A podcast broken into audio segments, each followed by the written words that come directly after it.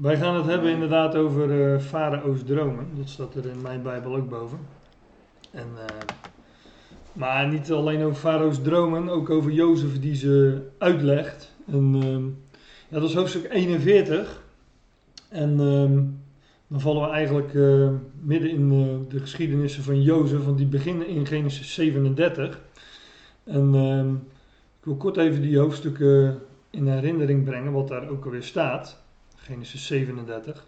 Overigens ben ik uh, nogal bezig met die geschiedenissen van Jozef. En ja, als je daar echt induikt en uh, elk zinsdeel, elk woord eh, onder de loep legt, dan, dan zitten daar zoveel verwijzingen in naar de ware Jozef, naar Christus.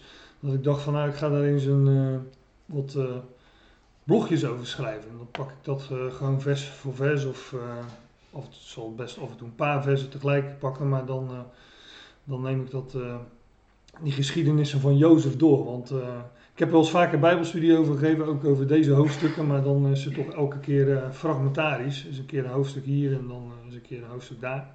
Nou, dat ga ik dus nu ook weer doen met hoofdstuk 41. Um, Genesis 37 is dat hoofdstuk dat um, Jozef op zoek gaat naar zijn broers. En um, ja, hij vindt ze niet op de plek waar ze moeten zijn. En dan grijpen ze hem en gooien hem in een uh, put of een kuil.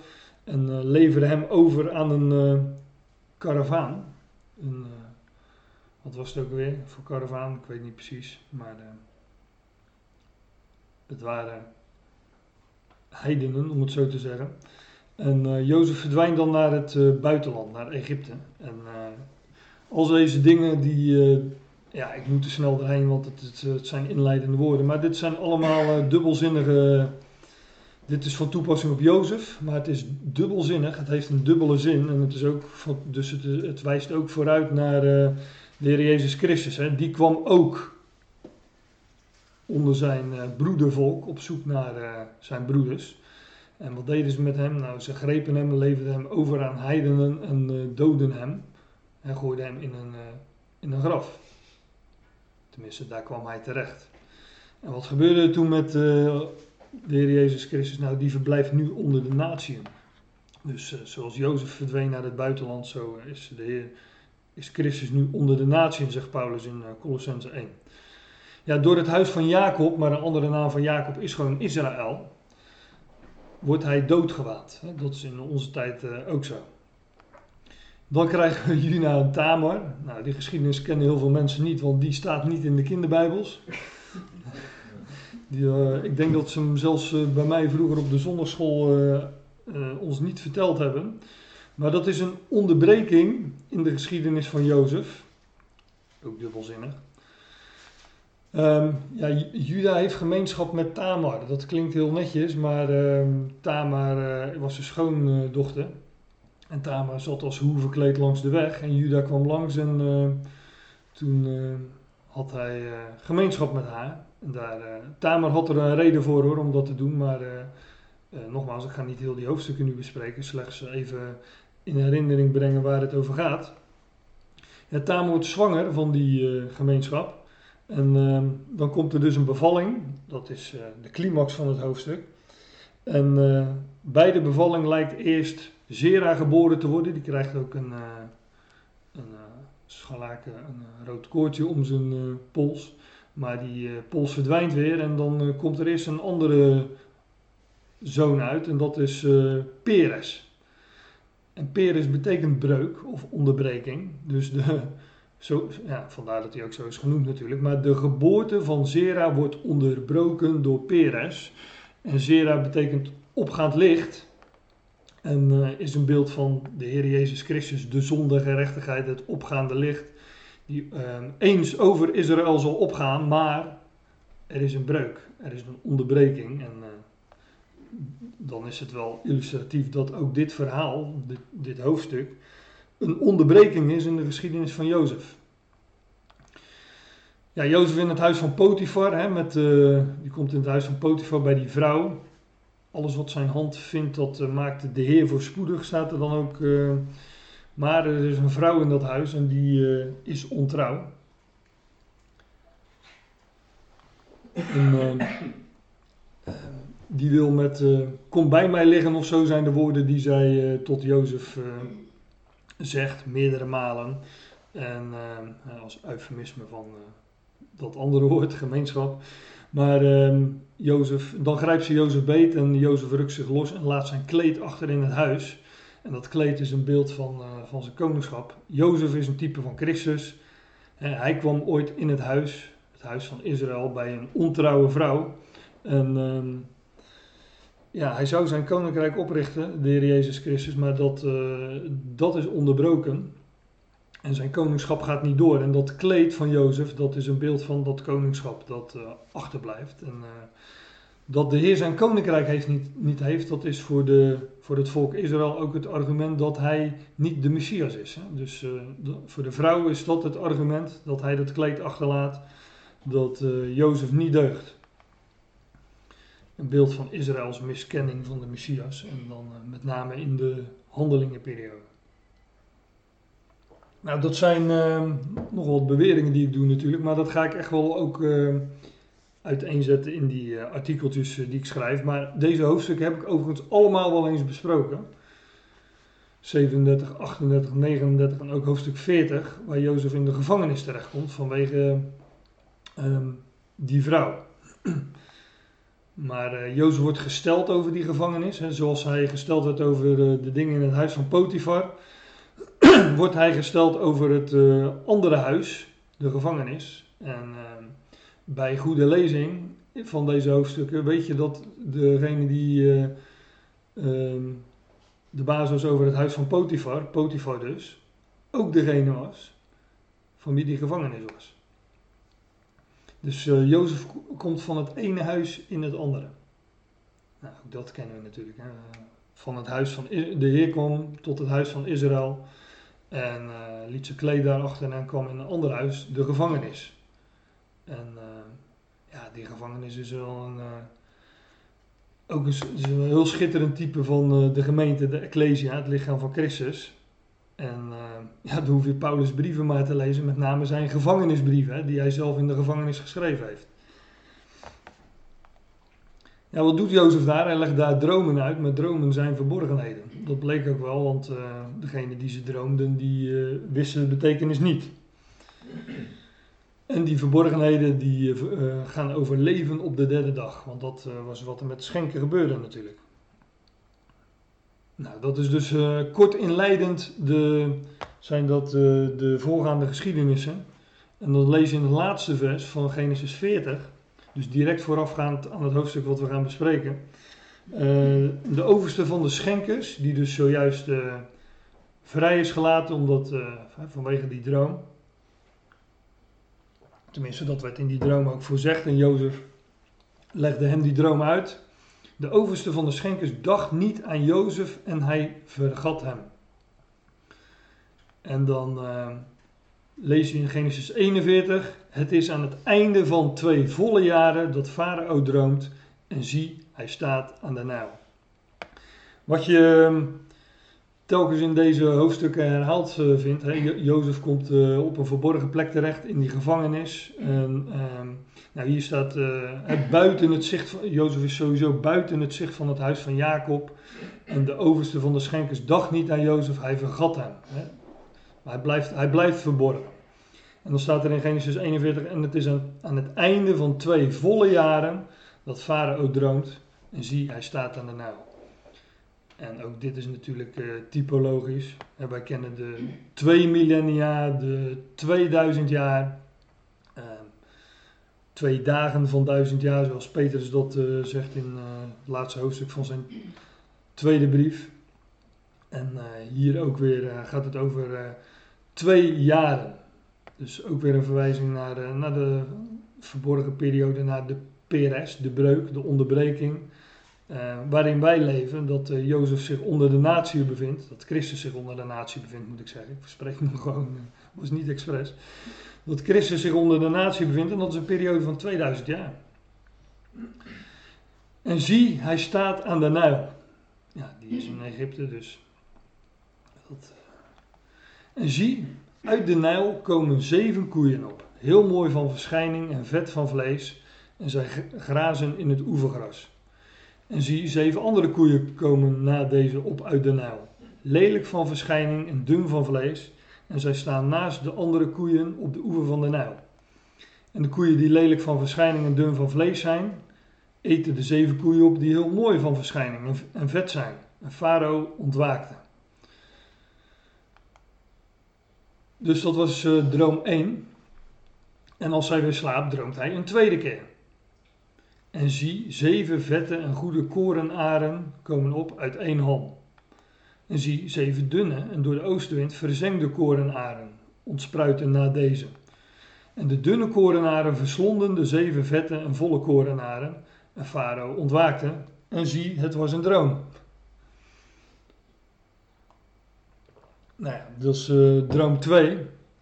En uh, ik lees gewoon verder, want uh, straks zullen we het langzamer gaan. Dus die droom, het, komt, ja, het, is net als bij de dromen van die Daniel had of uitlegde. Het wordt, het wordt verteld en dan krijg je de uitlegging en dan wordt het allemaal weer verteld. Dus dat gaat allemaal nogal uitgebreid, of nou uitgebreid valt wel mee, maar langzaam. Hè? Het wordt herhaald uitgebreid in die zin dat, uh, dat het meerdere keren wordt verteld. De volgende ochtend is zijn geest onrustig en hij zendt heen en hij roept alle geleerden van Egypte en al haar wijze mannen. En Farao vertelt aan hen zijn droom, maar er is niemand die ze aan Farao uitlegt. En de overste van de schenkers, daar heb je hem, uit het vorige hoofdstuk. En de overste van de schenkers spreekt tot Farao zeggend, Vandaag word ik aan mijn zonden herinnerd. Ja, hij had even iets gemist. Hij had, uh, Jozef had gevraagd van gedenk mij als u bij Farao aan het hof uh, uh, bent. Als je in ere hersteld bent. En de schenker was Jozef vergeten. Dat, dat was een misser. Dus hij zegt vandaag word ik aan mijn zonden herinnerd. Farao was op zijn dienaren. En hij plaatste mij in bewaring in het huis van de overste van de lijfwachten. Mij en de overste van de bakkers. En in een nacht droomden wij een droom, ik en hij, wij droomden ieder zijn droom met een eigen betekenis. En er was daar bij ons een Hebreeuwse jonge man, een dienaar van de overste van de lijfwachten. De overste der trawanten heet dat in de Statenvertaling. En wij verhalen ze aan hem en hij legde onze dromen uit. Aan ieder gaf hij uitleg naar zijn droom. En zoals hij ons uitgelegd had, zo is het gebeurd. Ik keerde terug op mijn post hij werd opgehangen. Ja, met die bakker uh, liep het uh, dus slecht af. En de, de schenker werd verhoogd op, uh, op de derde dag. Toen zond Farao en hij riep Jozef. En ze doen hem haastig uit de kerker komen. En hij scheert zich en hij verwisselt zijn kleding en hij komt tot Farao. En dat kerken, dat heb ik even opgezocht van wat is dat voor een woord. Het wordt ook vertaald met groeven, kuil, put. De uitleggers zeggen dan van ja, een gevangenis was meestal ook eh, ondergronds in die, uh, in die tijd. In een soort uh, kelder of zo, denk ik. Dus, uh, maar dat, Jozef wordt hier uit de groeven, uit de kuil gehaald, ook weer een beeld van opstanding. Hij scheert zich en hij, hij verwisselt zijn kleding. Nou, ook dat is een, een, eh, dat weten wij uit de brieven van Paulus, want hij zegt: leg af de oude mens, hè, want die is dood, en uh, trek de nieuwe mens aan. Dus ook dat is een beeld van, uh, van opstanding. Hij scheert zich en hij verwisselt zijn kleding en hij komt tot Farao.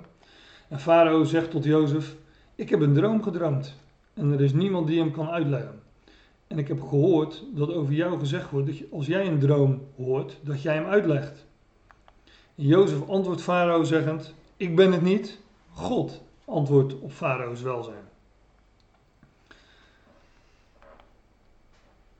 Trouwens ook, uh, ja, die Jozef lijkt uh, soms uh, heel veel op Daniel. Want ook Daniel zegt dat, hè. Het, is niet, het is niet van de mens om dromen uit te leggen, maar God, God legt het uit.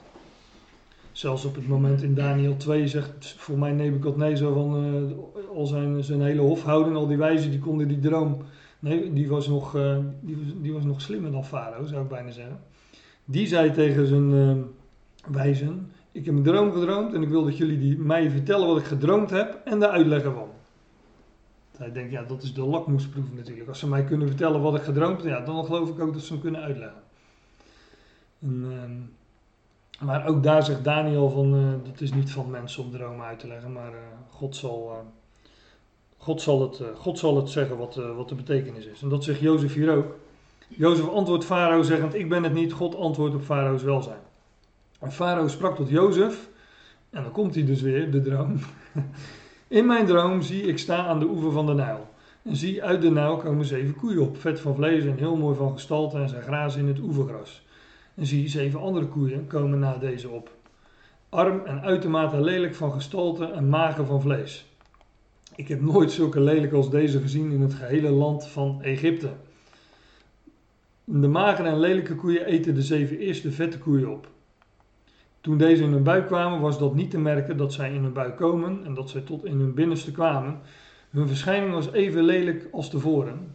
En ik ontwaakte. Ja, dus uh,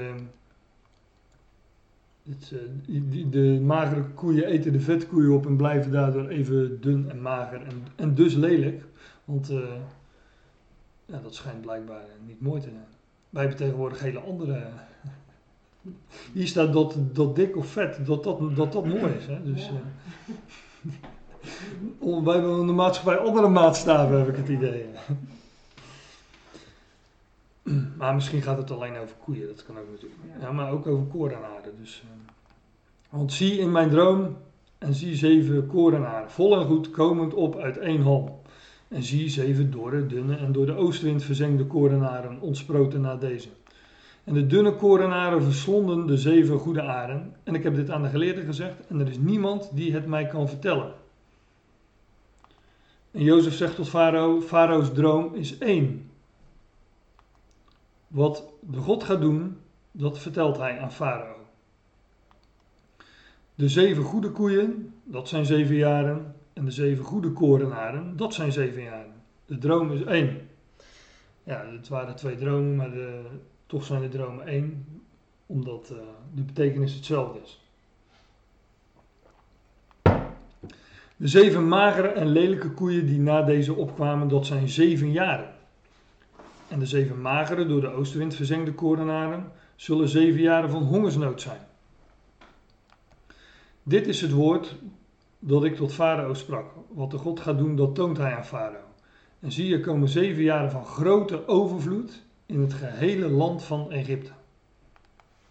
En de zeven jaren van hongersnood zullen na deze opstaan en al de overvloed in het land van Egypte zal vergeten zijn. En de hongersnood zal het land uitputten.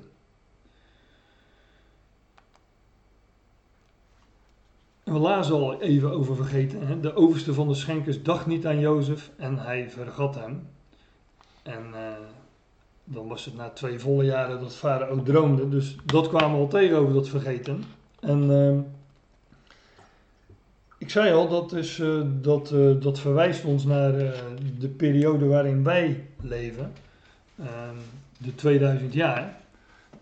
een verborgenheid, dus in die zin ook vergeten. En um, ja, ook die zeven jaren van overvloed, daarvan geloof ik dat dat een uh, uitbeelding is van de tijd waarin wij leven. Daar, uh, daar zie ik uh, heel veel aanwijzingen voor in deze geschiedenis, dus die gaan vanzelf tegenkomen.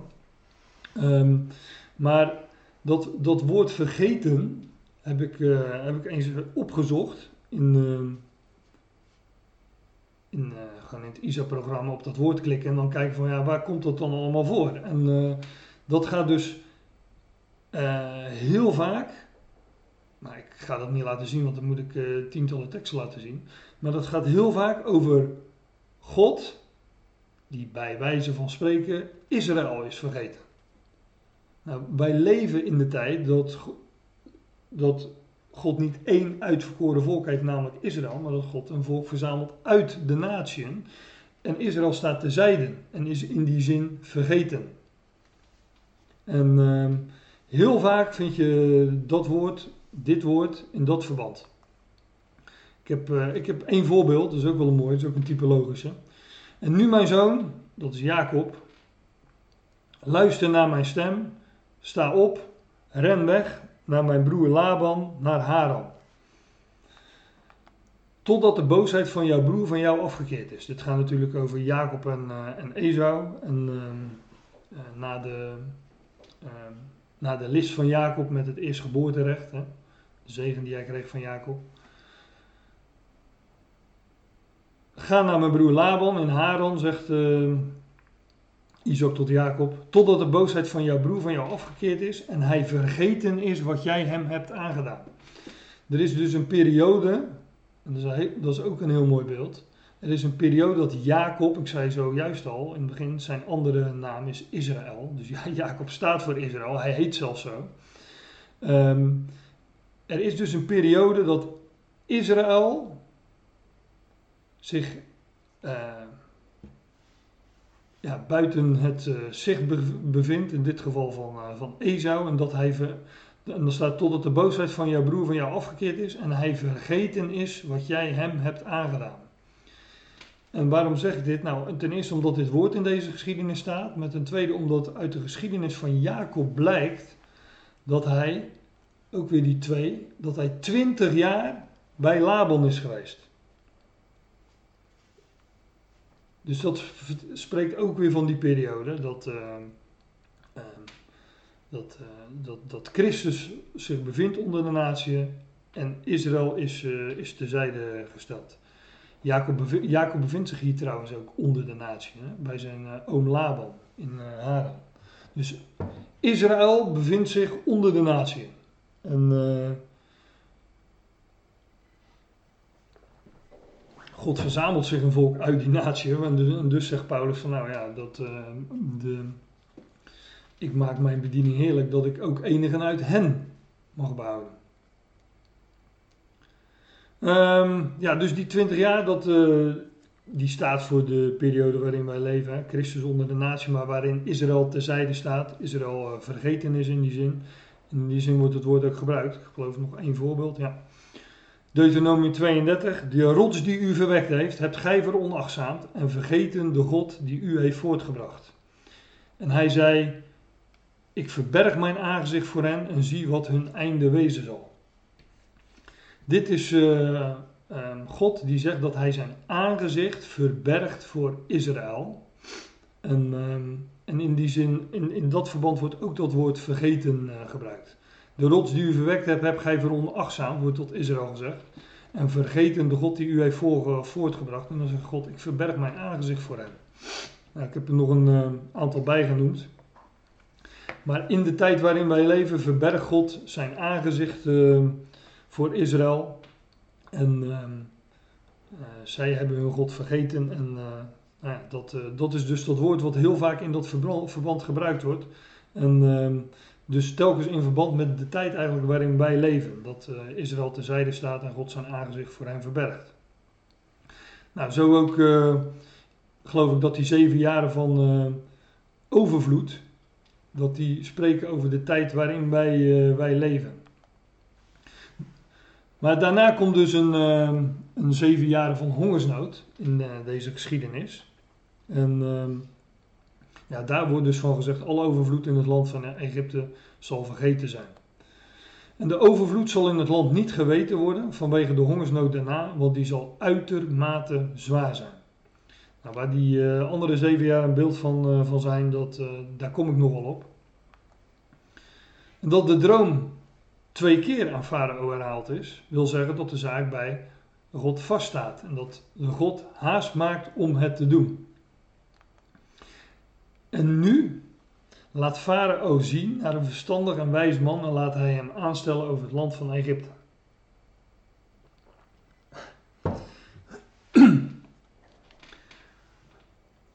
Jozef stond daar voor Farao. Ik kwam net uit de gevangenis, was net uh, geschoren, nieuwe, gedoucht en nieuwe kleding aangedaan. Hè? En dan stond er voor Farao. En uh, hij legt die droom uit. En hij geeft hem ook meteen wat, wat advies hoe hij uh, de dingen moet aanpakken.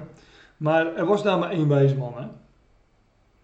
Want al die anderen die konden hem die droom niet vertellen. Farao zelf wist het niet eens. Dus de enige wijze man die stond, die verstandig en wijs was op dat moment, dat was Jozef.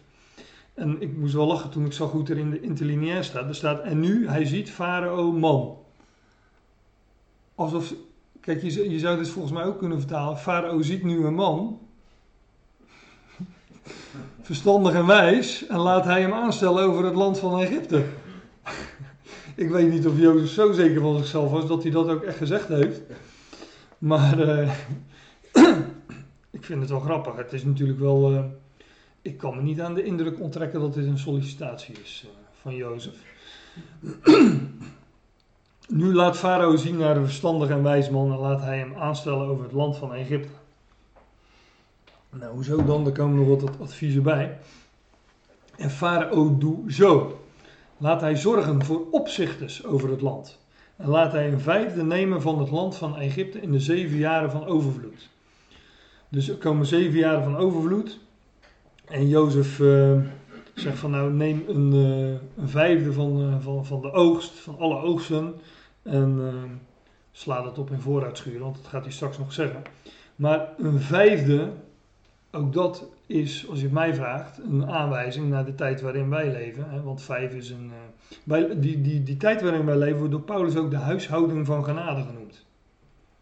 En vijf, dat, eh, ja, dat is een getal dat sp- spreekt van genade, maar trouwens ook van de verborgen dingen.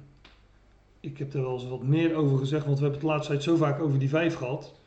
Ik denk van ja, ik ga er nu niet een hele uiteenzetting over geven. Maar het vijfde steentje van eh, David, hè, met eh, David en Goliath. Of ehm, ehm, na de vier koninkrijken in Daniel komt de vijfde. En dat is eh, de steen in Daniel 2. Hè, een rots zonder mensenhanden afgehouden. Die dat beeld verpulverde. En, dus ja, die vijfde steen is een, is een beeld van, van Christus. Maar elke keer vijf broden en twee vissen. Dus vijf broden en twee vissen. Dus ook daar was overvloed. De geschiedenis van de wonderbare spijziging. Met de vijf broden en twee vissen. Die vijf die konden maar uitgedeeld worden. Dat was overvloed. Nou, vijf spreekt van genade. ge- Vijf spreekt van de verborgen dingen. En we kennen de vier hoeken der aarde. Dat zijn de zichtbare dingen. De vier is ook, dat spreekt van de zichtbare dingen. Maar voorbij de vier komt de vijf. En die vijf, ja, daar, eh, daar hebben we het eh, zo vaak over. Dat eh, gaf ik al aan. Is, spreekt van genade. Dus ook dat wijst ons weer op de tijd waarin wij leven. Wij leven in een tijd van overvloed. Er is zoveel als wij willen. Wij hebben het complete woord van God hebben wij. Zoals Paulus dat zegt in Colossense 1. Dat hij het woord van God gecompleteerd heeft. Wij hebben heel de schriften en die zijn door God ingeblazen, door God geïnspireerd. eh 2 Timotheus 3 vers 16. Dus wij, ja, wij leven in een tijd van overvloed. Niet dat iedereen daar gebruik van maakt, dat zeg ik niet. Maar er is overvloed. En ehm, nou er is een vijfde. Er is genade. Er zijn verborgenheden die Paulus openbaart. Farao doe zo, laat hij zorgen voor opzichters over het land. En laat hij een vijfde nemen van het land van Egypte in de zeven jaren van de overvloed. En dat zij al het voedsel bijeenbrengen van deze goede jaren die komen. En koren ophopen onder de hand van Farao. Als voedsel in de steden en dit bewaken. Ja, dus het moest opgehoopt, opgeslagen worden in, eh, in, eh, in de steden. En het ook nog bewaken. Het voedsel het voedsel zal een reserve zijn voor het land in de zeven jaren van hongersnood die in het land van Egypte zullen komen, opdat het land in de hongersnood niet wordt afgesneden. Ja, dus dat, dat, dat vijfde deel, dat is niet alleen genoeg voor nu, maar ook voor de toekomst. Voor eh, die, die, eh, die zeven jaren die hierna komen. En trouwens, ook dat was het geval bij de breking van het brood, van de vijf broden. Want wat bleef er over? Daar bleven nog twaalf korven over. En dat verwijst natuurlijk weer naar Israël. Dus er werd brood gebroken. Van die vissen lees je volgens mij niet dat er overblijft. Maar van dat, dat, ja, dat heeft ook zijn betekenis. Maar die geschiedenis bespreken nu niet. Maar dat brood, dat werd maar gebroken. En dat was genoeg voor iedereen. Totdat iedereen verzadigd was. Er was overvloed. En er bleven nog twaalf manden en twaalf korven bleven er over. Als eh, type van eh, dat ook eh, de twaalf, hè, namelijk Israël, hierna in die genade zullen delen. Het voedsel zal een reserve zijn voor het land in zeven jaren van hongersnood die in het land van Egypte zullen komen, opdat het land in de hongersnood niet wordt afgesneden. En het woord is goed in de ogen van Farao en de ogen van al zijn dienaren. En Farao zegt tot zijn dienaren: Zouden wij iemand kunnen vinden als deze, een man in wie de geest van God is? En Farao zegt tot Jozef: Nadat God jou dit alles bekend maakt, is er niemand zo verstandig en wijs als jij. Jij zal over mijn huis zijn en op jouw bevel zal mijn gehele volk gehoorzamen. Maar in de troon ben ik groter dan jij. Jozef wordt dus aangesteld over, uh, ja, over Egypte als tweede man.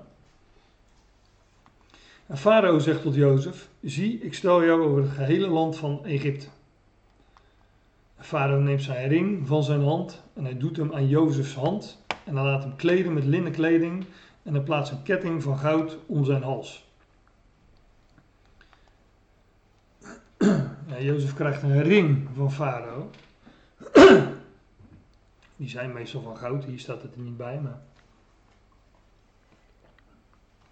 maar wij weten dat uh, een ring sowieso ook uh, uitbeelding is van on onvergankelijkheid. Hè? Dat is, uh, daarom is een trouwring natuurlijk ook rond. Ja, niet alleen dat hij dan om je vinger past. Maar, maar dat heeft ook de betekenis dat het niet verbroken zou worden natuurlijk. Dus Jozef krijgt, Jozef krijgt een ring van Farao. En uh, ja, er zijn nogal wat geschiedenissen. Die van Esther. En dan krijgt eerst Hamon de ring geloof ik van Aasverus. Maar later krijgt Mordechai hem.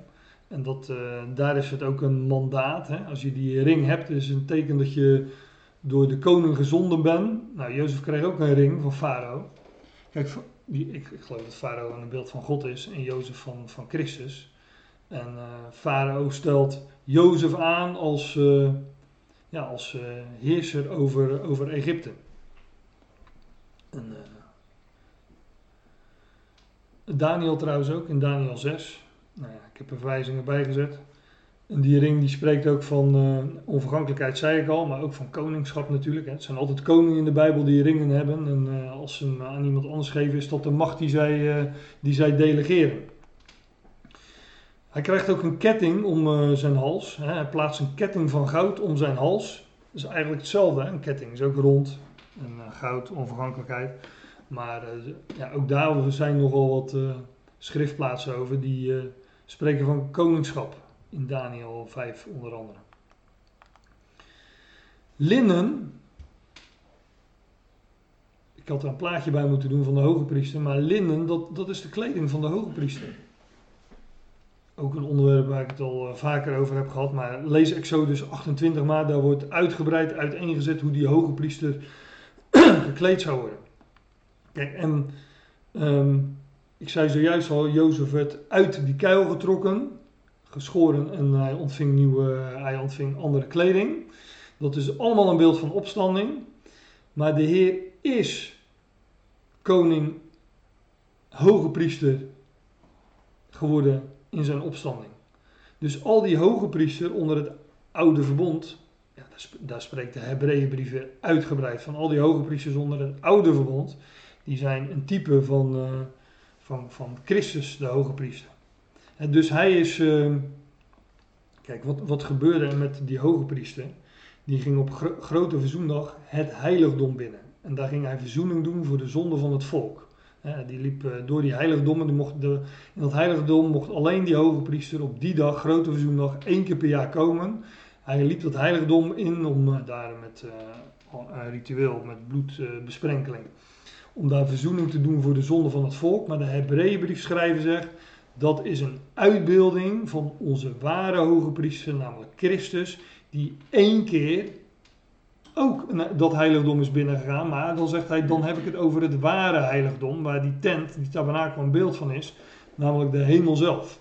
Dus Christus stond op en hij verdween uit het zicht, net als die hoge priester uit het zicht verdween, uh, achter het voorhangsel, om het zo te zeggen, in de hemel. Daar uh, uh, is Christus sinds zijn opstanding. En daar is Jozef hier een beeld van. hij die opgewekt is en van God alle macht in hemel en op aarde ontvangen heeft. En de farao geeft hem ook een ring. Plaats een ketting om zijn hals, maar laat hem ook kleden met linnen kleding. Allemaal beeld van verhoging en hoge priesterschap. En uh, ja, nogmaals, de Hebreeënbrief die legt dat uitgebreid uit hoe, hoe Christus koning en hoge priester is, is geworden. Wat gaat nog verder? Hij doet hem rijden op de tweede strijdwagen die hij had en ze roepen voor hem uit, kniel. Uh, en, hij, geeft hem over het, en hij geeft hem over het gehele land van Egypte. Ja, dus heel uh, Egypte werd aan, uh, aan Jozef gegeven. En, en dan zegt Farao tot Jozef, ik ben Farao, zonder jou zal niemand in het gehele land van Egypte zijn hand of zijn voet opheffen. Nou, dat zal wel betekenen dat, dat Jozef uh, de absolute macht in handen krijgt, gedelegeerd door, door Farao. En ehm, ja, dat, die hoofdstukken van Jozef, we zijn nu 41, maar het loopt door tot, tot hoofdstuk 50. Het zijn allemaal geschiedenissen van Jozef. Maar wat je dus, ehm, wat de komende hoofdstukken naar voren brengen, is ook hoe Jozef ehm, heel het land heel het land uiteindelijk Jozef toe gaat behoren. Al dat, land, dat hele land is uiteindelijk zijn bezit. En uh, dat is natuurlijk een beeld van Christus, die zal, die, die zal wederkomen, zijn koninkrijk op zal richten en heel deze wereld aan zich zal, uh, zal onderwerpen. En Farao noemt Jozef Saf, Safenat Paneach of Safnat Panea, of dat hangt een beetje van, je, van de vertaling af hoe dat weer wordt gegeven. Maar uh, Safnat Paneach.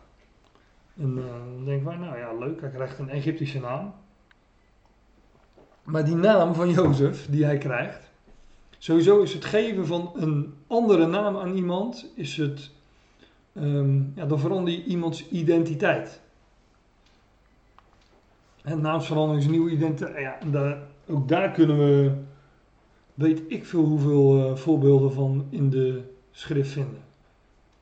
Uh, Abraham, Abram en Sarai werden Abraham en Sarah. Met een, uh, die kregen allebei de letter He, wat overigens de vijfde letter van het Hebreeuwse alfabet is. Dus die kregen beide beloften, beloften, ontvingen zij de vijf. De letter He. Dat is natuurlijk ook uh, betekenisvol. Dan uh, Saulus werd Paulus. Dat is ook een bekende natuurlijk. Nou, zo, zo, zo, zo zouden nog wat voorbeelden kunnen noemen van naamsveranderingen. Maar in de, ja, het is dus een, een nieuwe identiteit. En heeft ook weer met opstanding te maken. Kijk, wij, wij hebben toch ook een nieuwe identiteit ontvangen. Hè? Wij waren de oude mens en we zijn nu een nieuw mens. Nou, dat is een nieuwe identiteit. Dat spreekt van nieuw leven. Maar Sofnat Paneach, Sofnat Panea, betekent redder van de wereld. Nou, als dat geen verwijzing is uh, naar Christus, hè, want... Uh, safe zit erin. Ja, safe, ja. ja en de Statenvertaling is volgens mij met een Z geschreven. Sefnat uh, eh, Paneach, ja. Ja, het woord safe zit erin. Ja, iets, safe iets. Gelijk, opgelost. Ja, gelijk opgelost. Nou, het is de redder van de wereld. Dat hoef ik niet meer te zeggen, want dat lees je gewoon in zijn naam. Hè. Ja. Maar dat, uh, het is um, in de geschiedenis van de uh, Samaritaanse vrouw in Johannes 4, dat uh, de Heer een ontmoeting heeft met een Samaritaanse vrouw. En zij gaat dan naar haar dorp en ehm, Um, ze zegt, ja, ik ben iemand uh, tegengekomen die, die weet alles wat ik gedaan heb of zo, eh, zegt, zegt ze dan. En uh, ze zegt, dat moet de Messias zijn. En dan loopt het hele dorp, Sigar of Sichem is het geloof ik, loopt leeg. En ehm, die, die mensen die, die komen dan allemaal bij de Heer.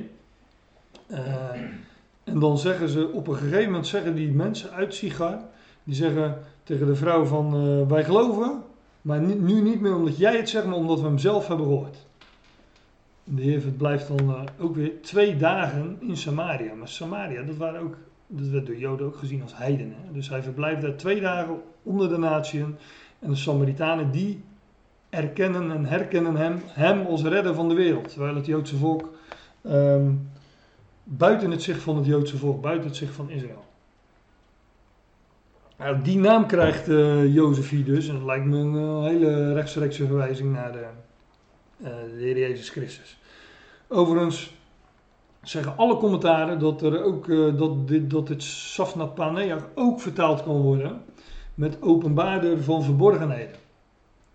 En dat heb, ik heb dat wel eens helemaal uitgezocht. Hoe, van ja, hoe komen ze daar aan? Maar dit schijnt Egyptisch te zijn redder van de wereld. En uh, in het Koptisch, een, een verwante taal aan het uh, Egyptisch, betekent het dan openbaarder of onthuller van verborgenheden.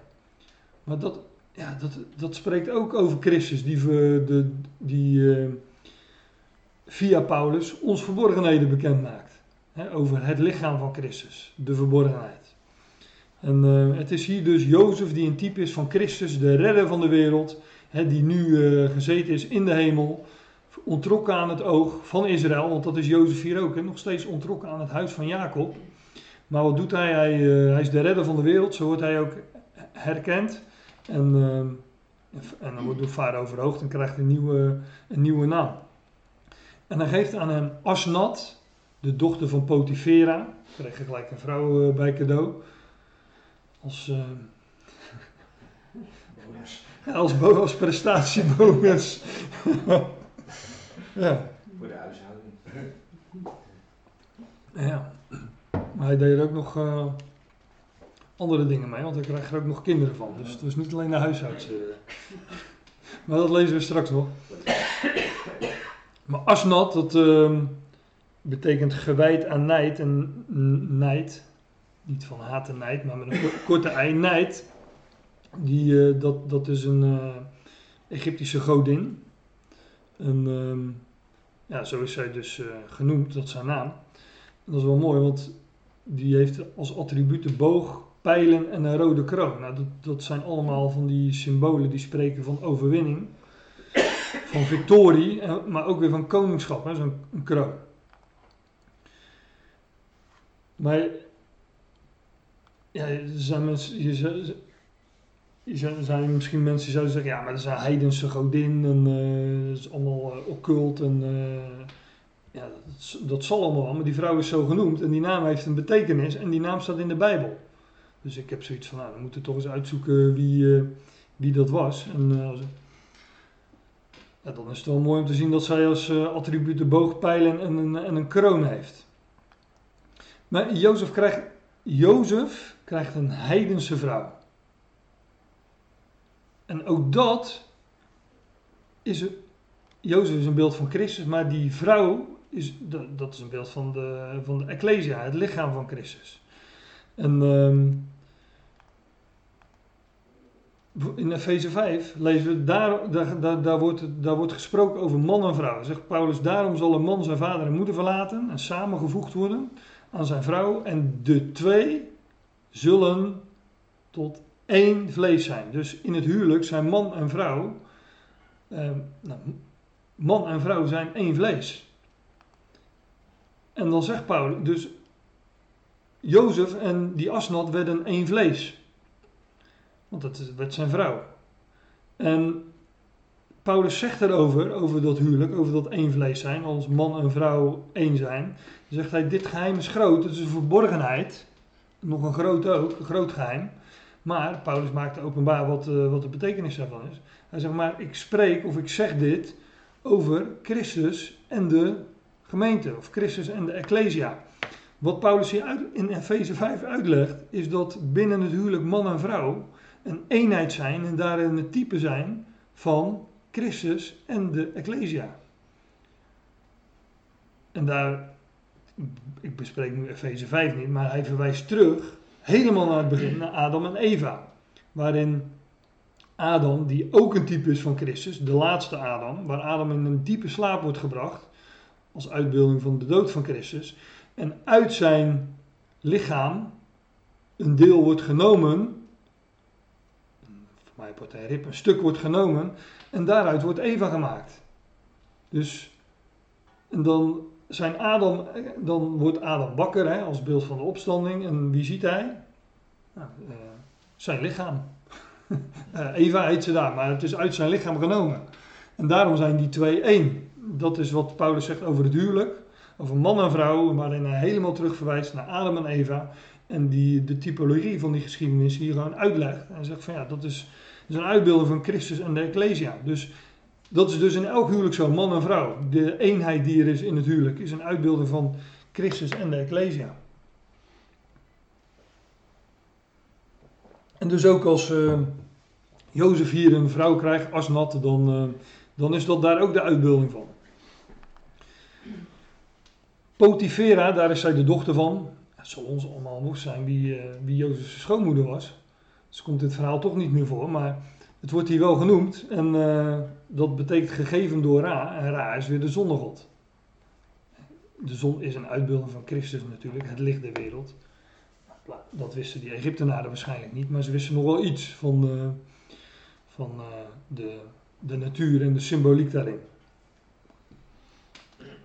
De priester van On tot vrouw. Dus hij geeft aan hem Asnat, de dochter van Potifera, de priester van On tot vrouw.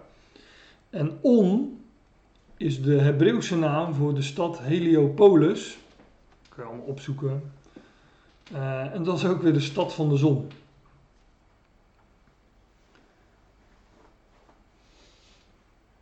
Maar wat gebeurt hier nog meer? Daar wil ik dan toch ook de nadruk op leggen.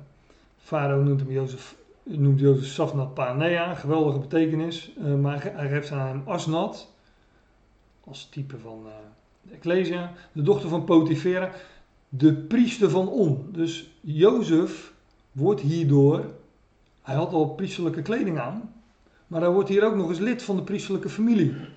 Dus dat verwijst ook weer naar het uh, priesterschap, het hoge priesterschap van, uh, van Christus. Dat hij, uh, ja, hij is hoge priester naar de ordening van Melchizedek, zegt de Hebreeënbrief schrijven.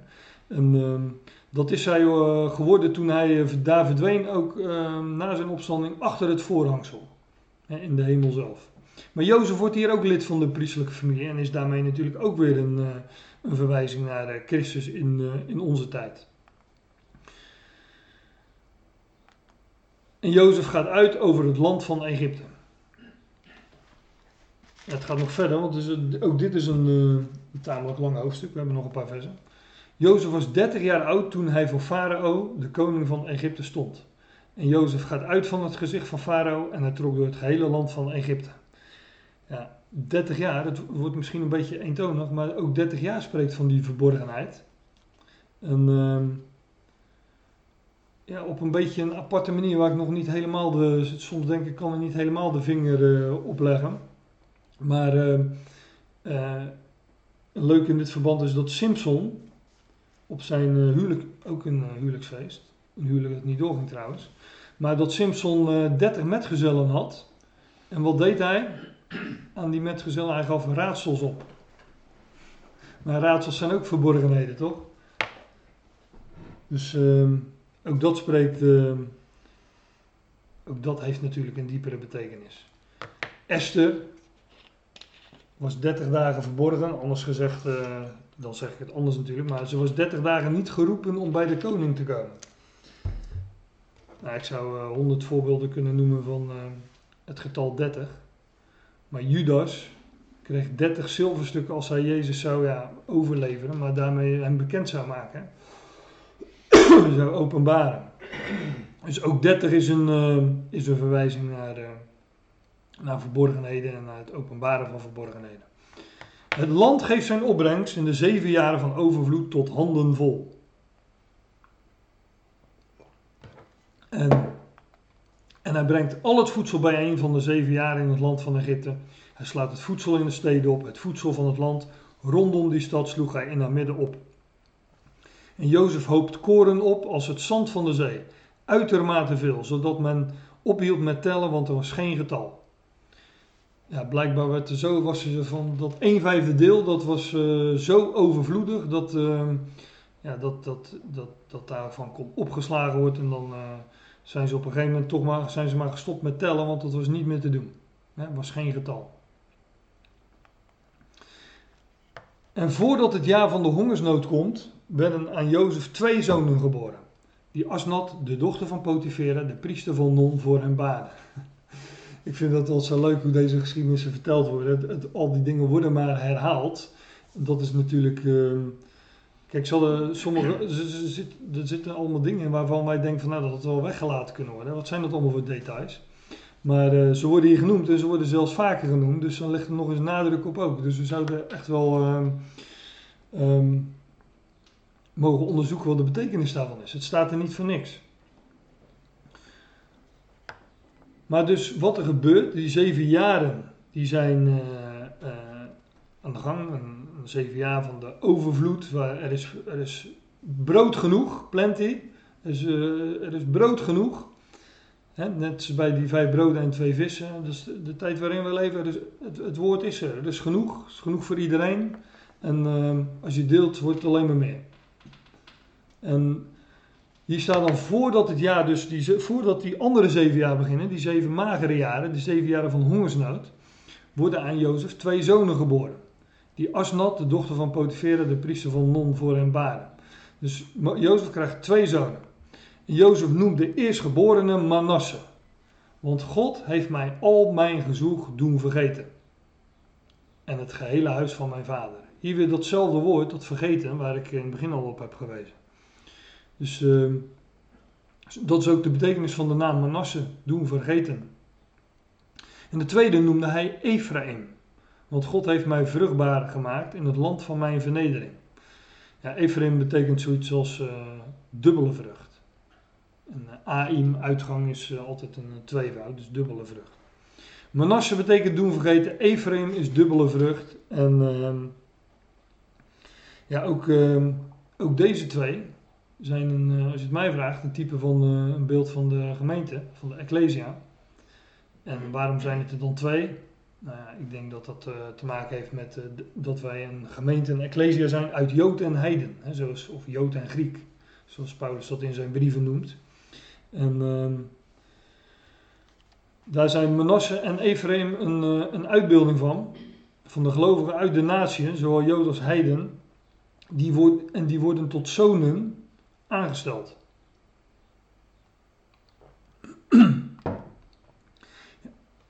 Ephraim,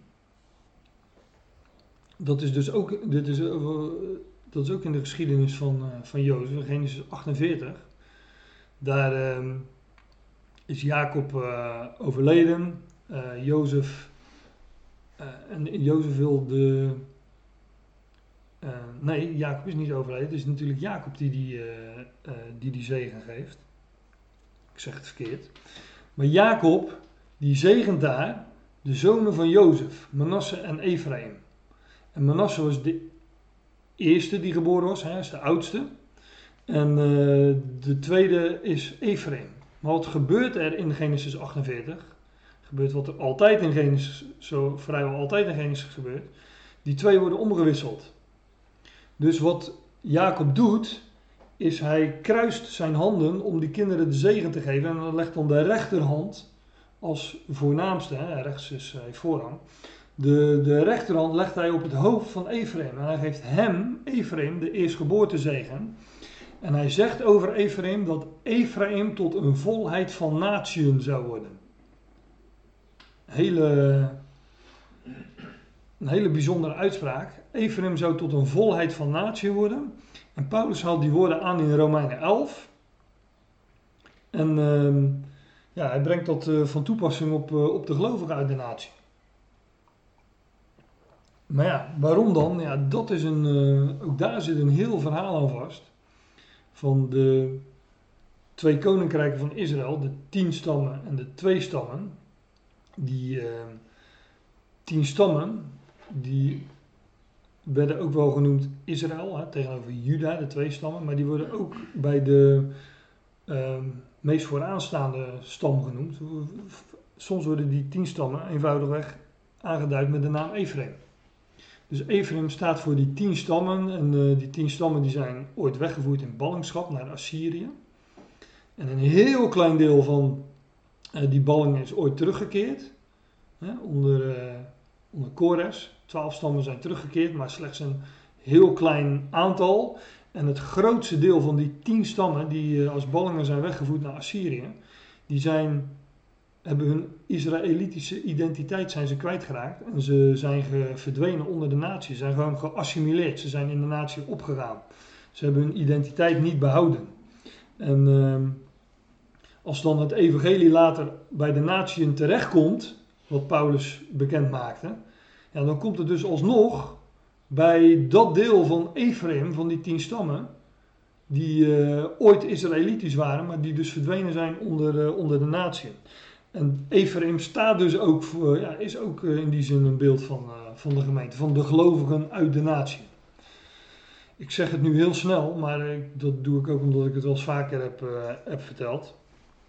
En, en dat gaan we ook nog doen natuurlijk, want in Torbeck bespreek ik eh, Romeinen. We zijn nu in Romeinen 10, dus het gaat niet heel lang meer duren voordat we in Romeinen 11 zijn. En dan eh, zal ik dat misschien eens wat eh, uitgebreider doen en daar een paar dia's van maken, want het is wel een hele, een hele bijzondere kwestie. Dat God dat, dat deel van zijn volk, hè, dat ooit Israël was, maar ehm, al zijn rechten verspeeld heeft, zijn identiteit is kwijtgeraakt, verdwenen onder de natie, dat God juist hen ook weer opzoekt. Dat is wat genade is. Dat wat het diepst gezonken is, dat, eh, dat, dat zoekt het op. In de zeven jaren van overvloed, die in, eh, die in het land van Egypte waren, kwamen ten einde. En de zeven jaren van hongersnood beginnen te komen, zoals Jozef gezegd had. En er is in alle landen hongersnood, maar in het gehele land van Egypte was brood. Ja, dus eh, nu komen we bij die andere zeven jaar. En ehm, ik geloof dat die andere zeven jaar een type zijn, een beeld zijn van de grote verdrukking. En ehm, de periode zeg maar, die we ook beschreven vinden in het boek eh, De Openbaring. Maar ehm, ja, ik zou dat heel uitgebreid kunnen doen, maar dan moet ik alle volgende hoofdstukken ook bespreken. Want die, eh, tenminste niet alle volgende hoofdstukken, maar de komende hoofdstukken die gaan over die tijd. En dan zie je dat, ehm, eh, dat op een gegeven moment die, eh, die broers, die tien broers, ehm, bij Jozef komen natuurlijk. Hè. We kennen de verhalen allemaal van eh, de kinderbijbel of de zondagschool. En dat later dan Benjamin ook mee moet. Nou, dat speelt, dat speelt zich allemaal in, die, in die periode af.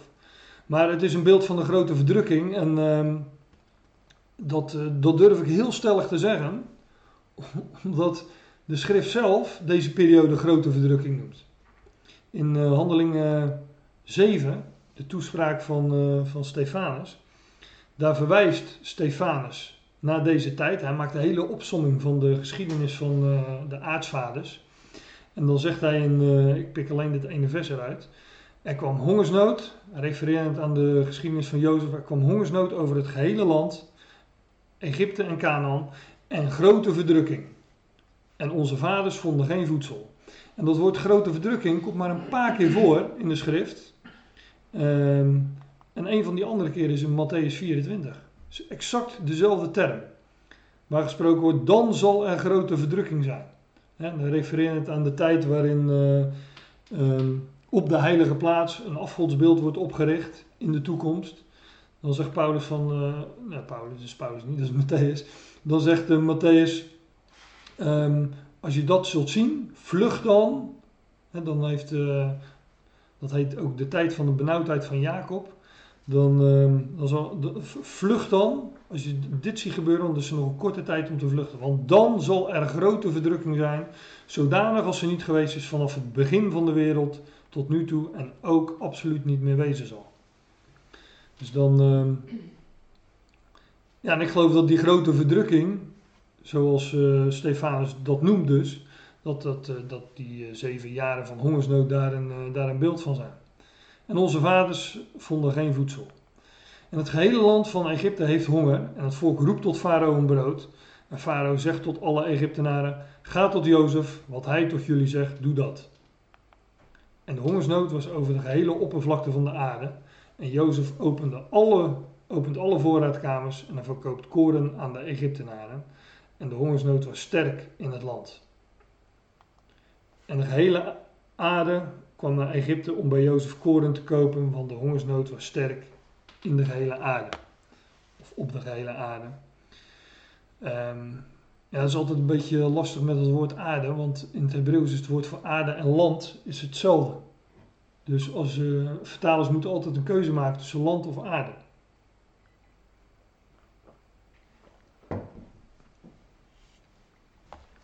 Maar we weten natuurlijk uit de geschiedenis dat er hongersnood was in, niet alleen in Egypte, maar ook buiten het land. Want die zonen van Jacob die gaan op een gegeven moment natuurlijk naar Egypte. Omdat bij eh, eh, hen ook honger was in Canaan.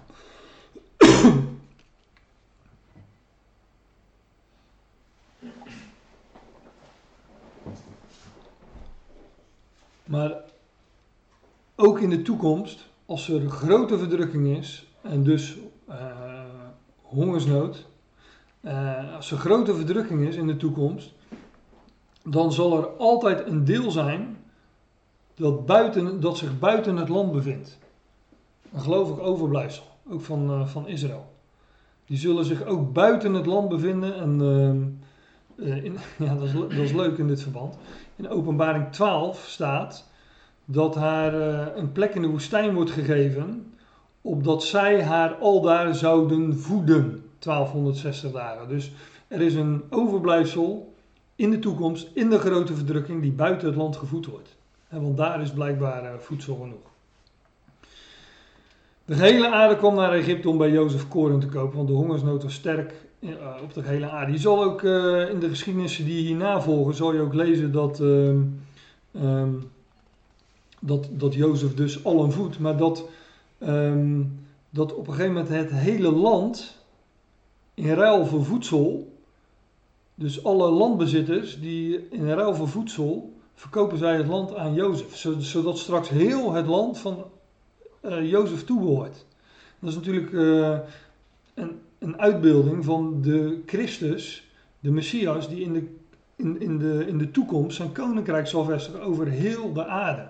En dan lees je ook, wat je hier ook leest, dat de volkeren optrekken naar de, naar de Messias in de, in de profetieën. En hier kwam ook, eh, kwam de hele aarde kwam naar Egypte om bij Jozef koren te kopen, want de hongersnood was sterk op de hele aarde. Nou goed, dat uh, was de geschiedenis van Genesis 41. Een tamelijk lange geschiedenis, dus ik ben er wel een, uh, met een beetje vaart doorheen gegaan. En ja, dan gaan we hier een punt zetten, toch maar.